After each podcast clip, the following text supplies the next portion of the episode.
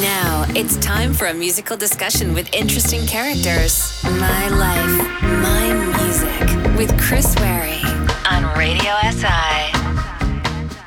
My Life, My Music this week moves into the world of education. Now, I think one very important part of education is obviously this secondary school, and here in Maribor, Perva Gymnasia is probably the first to spring to mind, not least that it is called the first Gymnasia. And I'm very, very happy to have in the studio with me Mrs. Irena Smole, who is the Deputy Principal of Perva Gymnasia. Welcome. Thank you for having me. Hello. As I said, secondary education is super important. How do you view it? I agree with you. Um, this is very important. I see this period as the building years. If I look back, the time when I was a student at Prva Gimnazija Maribor, and now I have been working here for more than 30 years being the deputy for more than 20 years. It's a really long period. And the building years, the foundation, I think, being close to people who I met at Prva Gimnazija Maribor, this broad education and the wide range of different kinds of people that you meet there, mm. this really shaped me and I believe all other secondary school students very important in a lot of different ways. It's a very difficult time for the students, isn't it? Because here they are moving from a point of accepting education to questioning everything and beginning to maybe know what direction they wish to go in. So here they are now going to make really important decisions. Exactly, and it's not just education, it's also other decisions. And you move from a more sheltered environment in primary school and families mm. and your friends, if they hadn't become more important earlier, then definitely in secondary school. And you want to be your own person, and uh, your personality shapes. Yes. And I believe it's it's more or less over, probably at the end of secondary school. Mm. Uh, some people, okay, develop or mature a bit later. It's possible. But it does put a big pressure on you, really, doesn't it? It because does. It's such of, an important time. Of course, it does, because of personalities and because of looking for your place. All the problems that you have with uh, yourself and your appearance and relationships, mm. uh, whether it's uh, boyfriends or girlfriends or just friends or other mm-hmm. Uh, school friends, yes, very important. And the fights at home, then you want to be more independent, a bit rebellious I don't know really if our students are as rebellious as we used to be. I sometimes think that maybe they are not, or rebellious against some. I'll, I'm going to ask rules. you about that then in a minute, um, because I want to talk to you about your own education a little bit as well. But I asked you to choose music. Was that a fun idea? Because you've come up with some great. Yes, tracks. very much, because music um, has always been very important. I have an older brother. He's seven years older, and he would bring records he didn't have a lot of records. They were very expensive in the 70s, but he yep. had friends and they would exchange records and so on. And so this was my introduction to some, let's say, serious uh, rock music in the 70s. And I was curious and I listened, and, and someone sometimes I would ask him, and I listened to the radio mm. because back then we would have to wait for a few months for some new sure. music to come. Uh, so we would listen to uh, Ö3, uh, also Radio Luxembourg. I remember late ah, at night yes, sometimes, so even that. Yes. So yes, I know. So my brother told me. It was very distant in, in the UK. Uh, yeah. It wasn't always a great signal, but yeah. yes, I remember listening so that was, well, the, the foundation some, period of music. Yes. What's the first piece of music? Uh, the first piece of music is Bob Dylan. I started listening to Bob Dylan and reading about him and also reading his lyrics, although they are very challenging yes. in high school when I was a student. And also people that I knew also some listened to Dylan, some were Neil Young fans. Mm. It depends. So there was camps sometimes. Of course difficult to pick because he's so productive still. Masters of War, maybe it's a serious one to start with. It's still so relevant, I think.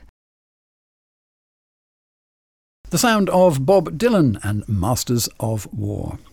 So you were talking about your own school. Let's go back in time for you. What were your early thoughts about education and what made you want to teach in the end? I have always liked school. I remember when I was a little girl, I liked school. I liked it that my teachers liked me because I was a well behaved girl and I was uh, smart enough. I didn't have to learn a lot. Back then, of course, in the beginning of primary school. And I remember I asked my mother to buy me a Redovalnica, grade book, because one could still buy it. Well, those actually it was almost the same as the ones that we still had recently. So, and I would play school with uh, other children with my friends back then. I wasn't thinking about becoming a teacher back then, but when I first had English, that was in grade five, I immediately liked it became my favorite subject and so on. And I remember how my mom discouraged me from studying English because there was someone that she knew and how she couldn't find the job as a teacher.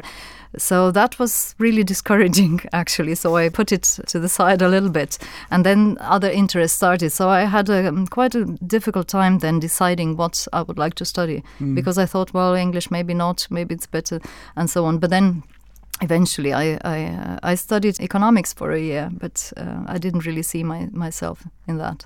You obviously have memories of Perva Gymnasia. It's a different place now, I suspect, than it was when you were there. Yes, well, of course, the building was not in such a good shape as it is now. Mm. Part of the, the building was also used by Osnovna Šola Bratov Polančičev, so it was smaller, so there were five classes in each year. And yes, I, I really I remember I had been looking forward to starting. I couldn't wait to start secondary school. Really, I was a little fed up with primary school. then. Today it is a very special building for sure, and it, it, is, it carries yes. with it an authority. I think. Yes, it is. It's really in a very good condition. We always renovate something, and the location that it has. It's something that quite a few say one of the reasons is the building, it's it's the location, it's it's, it's everything, the whole pa- pa- package. Yeah, Maister really. Square outside yeah. and all of that yeah. history of Maribor. Well, there are minuses. We don't have our own yard or a great assembly hall or something like that, but there's also the attic that is waiting to be renovated. even more stairs. yeah, even more stairs. Your true. students spend a lot of time going up and downstairs. Yeah. Let's have the second piece of music. What will it be? Nina Simone. I sometimes only listen to female artists, and now with the streaming services, it's very easy. They prepare three or four hours of only ladies. So it's just recently I have been listening to her a bit more than five or ten years ago. I watched a documentary on Netflix about her, and very special. Lady. And yes, and then I started um, becoming even more interested in her. With very strong views. Yeah. The guest in the programme today is the Deputy Principal of Perva Gymnasium Maribor, Mrs. Irena Smole.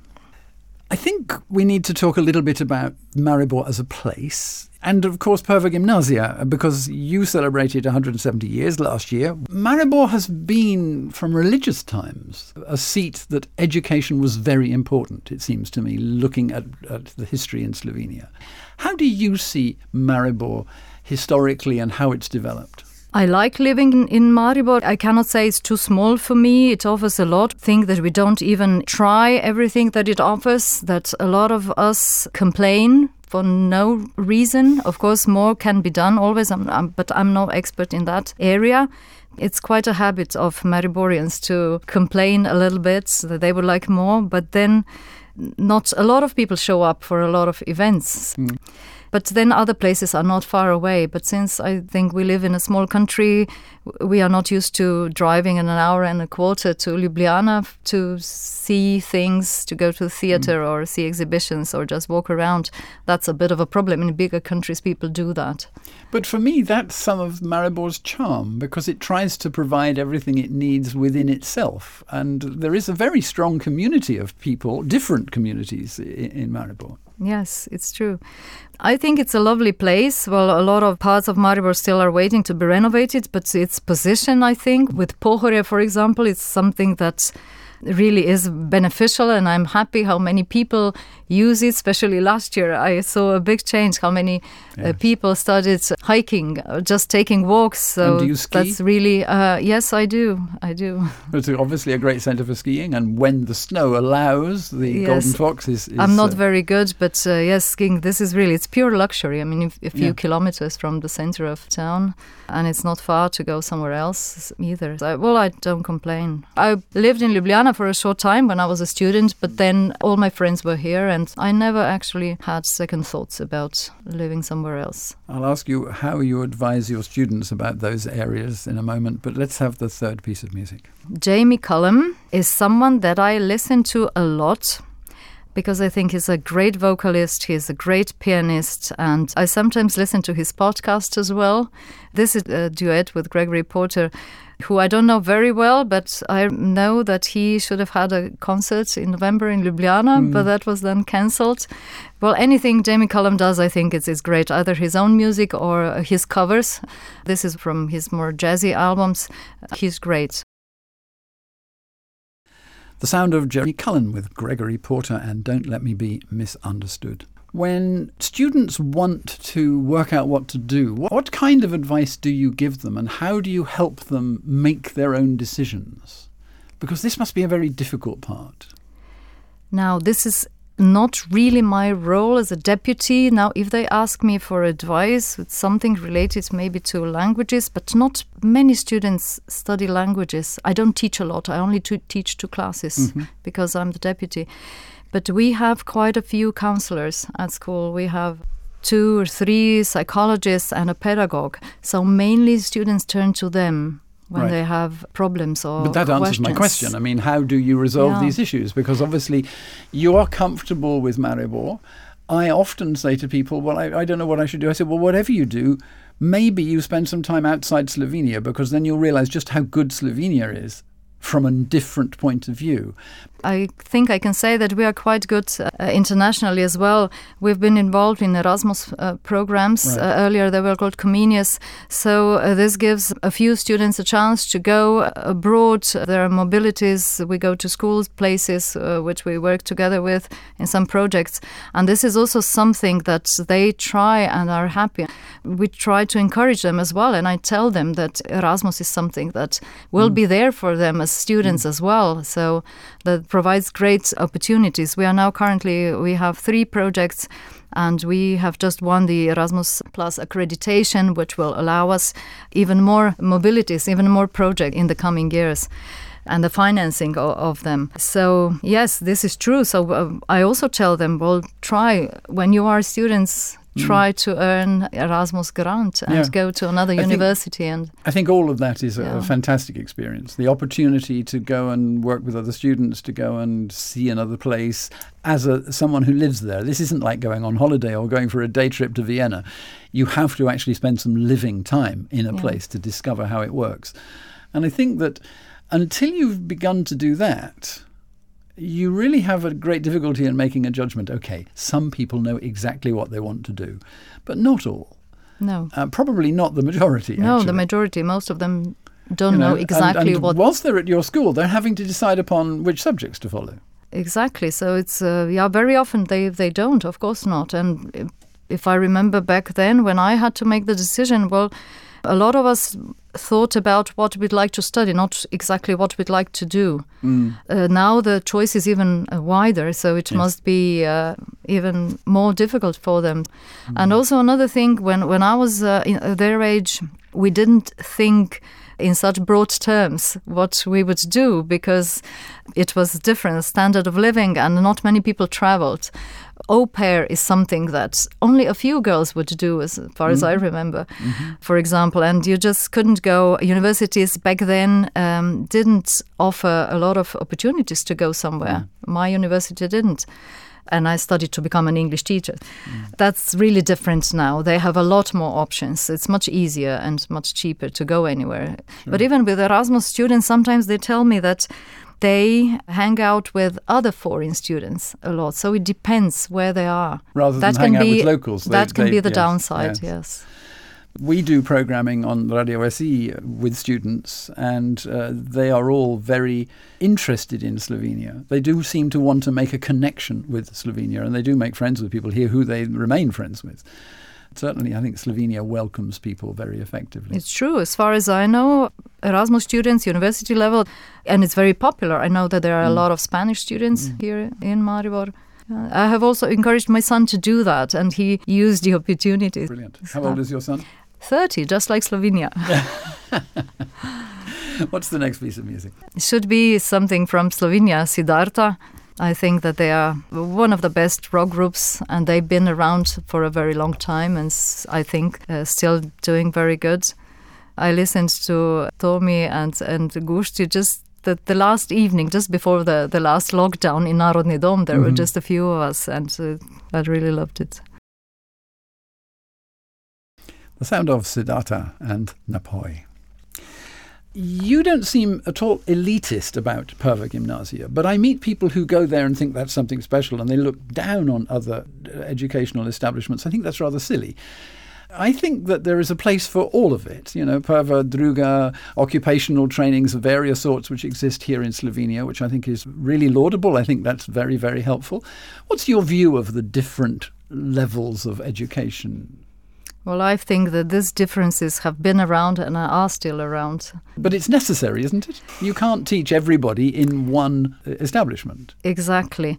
Back in the 90s, when a lot of gymnasia type of schools were open in small towns of Slovenia, there were around 40% of uh, primary school children could enroll in gymnasia type of school that was simply too much because some standards had to be lowered. Mm. So my teachers, for example, would tell me, "Well, you, we did more difficult stuff and so on." That was a bit of a problem. This was also a problem for other types of schools because they didn't have enough children. Mm. So now this is changing a little bit again, but still, I'm no expert in vocational training but apparently headmasters say they're still not happy. And when these children look for work, their employers aren't happy because they think they're not skilled enough. Maybe the old system and decades ago was yeah, apprenticeship very, was probably yeah, that's the word I was going much, to use. Much better. There seems yeah. to be very little of that. Yeah, I don't know why. Also, factories have changed, of course, but I don't really know why the vast majority of people are not going to need a degree for whatever job they choose to do. Exactly. And I don't think it makes you special because you have a degree. It's a different path. I don't know what your view of that is, but well, exactly. I do think parents yeah. see it as an elitist yeah. thing, though. That's what worries me, and they push their children into education that isn't it's, actually appropriate. It's true. This wasn't the case when I was 14, 15, making a decision where to go. In my generation and my brothers, I told you I have an older brother. Students who had the best grades didn't necessarily go to a gymnasia type of school. Mm. It was completely normal to go to I don't know Srednja Tehnička škola mm. or a secondary school of economics and so on. But then when I started teaching, then later there were more and more children who were, I think, impressed by their parents or even pushed maybe because they thought, well, you have such good grades, you should go or you must go to gymnasia. There's mm-hmm. no point in going anywhere else, which wasn't always. And if you okay. do well there, you must go to university. Yeah. Uh, which is equally not necessarily yeah. the right path. Yeah, there are a lot of places, and Slovenia has a very high percentage of young people being enrolled in tertiary education compared with some other countries. Yeah, there are a lot of private institutions as well. I don't think this is a very good idea that there are too many universities, probably. Yeah, absolutely. It does seem strange. I mean, you must have a degree. Then you can choose what you want to do. Really? It's expensive too, you know, to the country and to the individual. It's true. Well, education is free if there were yes, but fees, but yeah. Uh, yeah. it does cost a lot. True. Yes. Let's have the next piece of music. Amy Winehouse. She mm. was one of the great vocalists. Yeah, it's really a shame that such a huge talent had such a destructive life and it ended so quickly. You know I'm no good, Amy Winehouse. We've been talking about different schools and occupational academic education and so on. I'm not sure how you go about that, but I think Slovenia really has a lot of, you, you just mentioned it, a lot of places of higher education. And I have met a lot of people in the practical world through the chambers of commerce and so on that I get involved in who said what you said a moment ago that students come to them and they've got to start teaching them. And they would really like not to have to do that. They would really like students to choose the task and go and get training in the area that they want to work. You, I presume, agree with that. Yes, definitely. And how do we encourage the government to see that? Because I don't think the government sees that. I think one of the problems is that there are so many changes in the Ministry of Education that in the last 10 years, I think there have maybe six or even seven different ministers. Then also, I don't know how many other officials change in the ministry. Mm. So I think it must be that. And there are so many different directors of different directorates yes. who are in charge of primary and then secondary and then tertiary education. Or probably there is no real vision of where we want to go. Mm. I don't know if all the decisions have been really thought out. Not practically, no. Not not mm. looking to see exactly mm-hmm. how the end result should be, which makes your task even more difficult. uh, in helping children gain the right education as you have them for the years that they're in your school? Yeah, well, a lot of people say that the schools uh, are the same or more or less the same, but people have changed, systems have changed. Obviously, either people are not brave enough to change something, the gymnasia type of schools. So there have been talks in the last, I don't know, 20 years that there should be a, a major change, more elective subjects, uh, fewer subjects. But then it all comes to problems of or worries or what happened at university when Bologna was introduced. So. Well, people don't want to lose subjects, or uh, why should certain subjects only have two years? Uh, why not three or four as well? Then Matura, for example, which is also something that cannot be changed in one or two or three years. Absolutely not. No, you have to evolve slowly, of course. Even but, though, but nonetheless, yeah. you need a vision.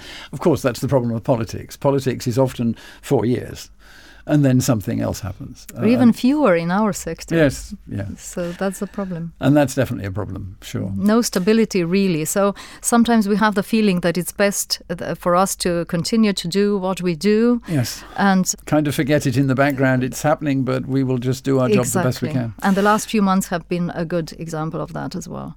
Indeed, they have. We didn't talk about COVID. Maybe we will very briefly in a minute, but let's have another piece of music. Let's continue with Santana. I like his music a lot and with a such distinct sound of the guitar. And uh, I also like it that rock music is combined with a little bit of a Latin. Uh, yeah, that's nice, isn't it? That's I think nice. fusions of different music exactly. styles are always great. And that particular song, so Smooth, is is really a great song. It's just one of the examples of uh, Santana's collaboration with others, and I think it's a perfect example of that. We come to the last part of the program. Two more bits of music. And my guest today is the Deputy Principal of Prva Gymnasia here in Maribor, Mrs. Irena Smole. Let us look at the country now. We spend a lot of time talking about only education, and that's important because it's your job. But let's come back to uh, Slovenia's 30 years. What is your memory before that time, and how do you feel Slovenia has benefited, or otherwise, as being an independent country uh, in the last 30 years? Well, I grew up in Yugoslavia and I went to secondary school and to university in Yugoslavia. So I experienced it. Well, as a child, you're quite careless. But then when I was in secondary school, what we missed was more opportunity to go. So we all wished we could go abroad. And we missed a lot of goods because that was limited. Then the 80s were quite difficult because of the economic problems that Yugoslavia had. That was a time of us becoming more independent, moving to our own places. So it, it was more about that and, and getting the degree, of course, and looking for a job. And then I definitely was very happy when it came to the referendum and independence. Had great hopes and were really very positive about the change. And, and also, as I said earlier, so my son is as old as is yes. this country. So it always reminded me of, of what was going on. Yeah, but it wasn't easy. So in those years, I remember the refugees from Bosnia um, 30 years ago coming to Maribor in, in uh, September, I think. But accepted and Also, supported.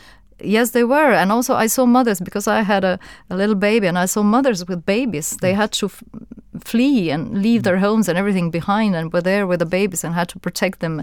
I was trying to think how I would feel in that position, but it was really it's impossible, Yes. really, to comprehend something like that. Mm, the absolutely. disaster that happened.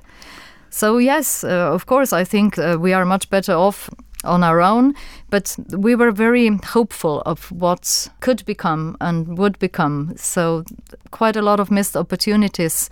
But again, it all comes down to politics, I believe. Technically, you get who you vote for. And if the majority of the population like a particular person, I guess they vote for him.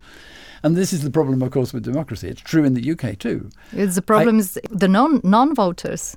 But frankly, I think countries would be better if they're run by experienced business people and not politicians. Yeah. Probably they would. Sometimes, well, we uh, d- discuss that. Uh, at school as well, when we discuss politics during English lessons, and quite a lot of students say that they would rather see the system where 16 year olds could vote. Why not? They have a view and they've begun to learn stuff. You know, 16 is the old 18, isn't it, these days? People are very bright. We need another piece of music. We are running Right. toward the Uh. Celeste, she's one of young artists, and um, She has a great voice, and uh, I quite like her music. And uh, this particular song, "Hear My Voice," I heard it in the film, The Chicago Trial of Chicago Seven. Yes. And I like it a lot. The film is good as well. So I thought maybe Celeste would be a nice choice. Hear My Voice from Celeste. The last few moments of the programme, let's look toward the future. What do you see for yourself? What do you see for the school? What do you see for Slovenia? Well, what I see for Slovenia, I hope next elections, uh, next year, maybe even this year. I'm not very optimistic because, again, there will probably be new faces, and we will be happy to see new faces and we'll probably believe what they offer and say and hope that everything will be different. For myself, I'm at an age where one also thinks a lot about one's health which is very important. I have a few years more to work, so I'm looking forward to that. The changes are something that I think are part of the system, so I still don't oppose changes if they are uh, reasonable, of course, mm-hmm. in in education in school. It's good that we are, in a way, uh, forced to change, to adapt the way we work. What would be nice would be smaller classes because it makes a great difference if there are 30 or 20 students in, in a room. Even countries that we think are less developed have smaller groups in language classes. Poland, for example, they've had that for a long time. They split mm-hmm. classes.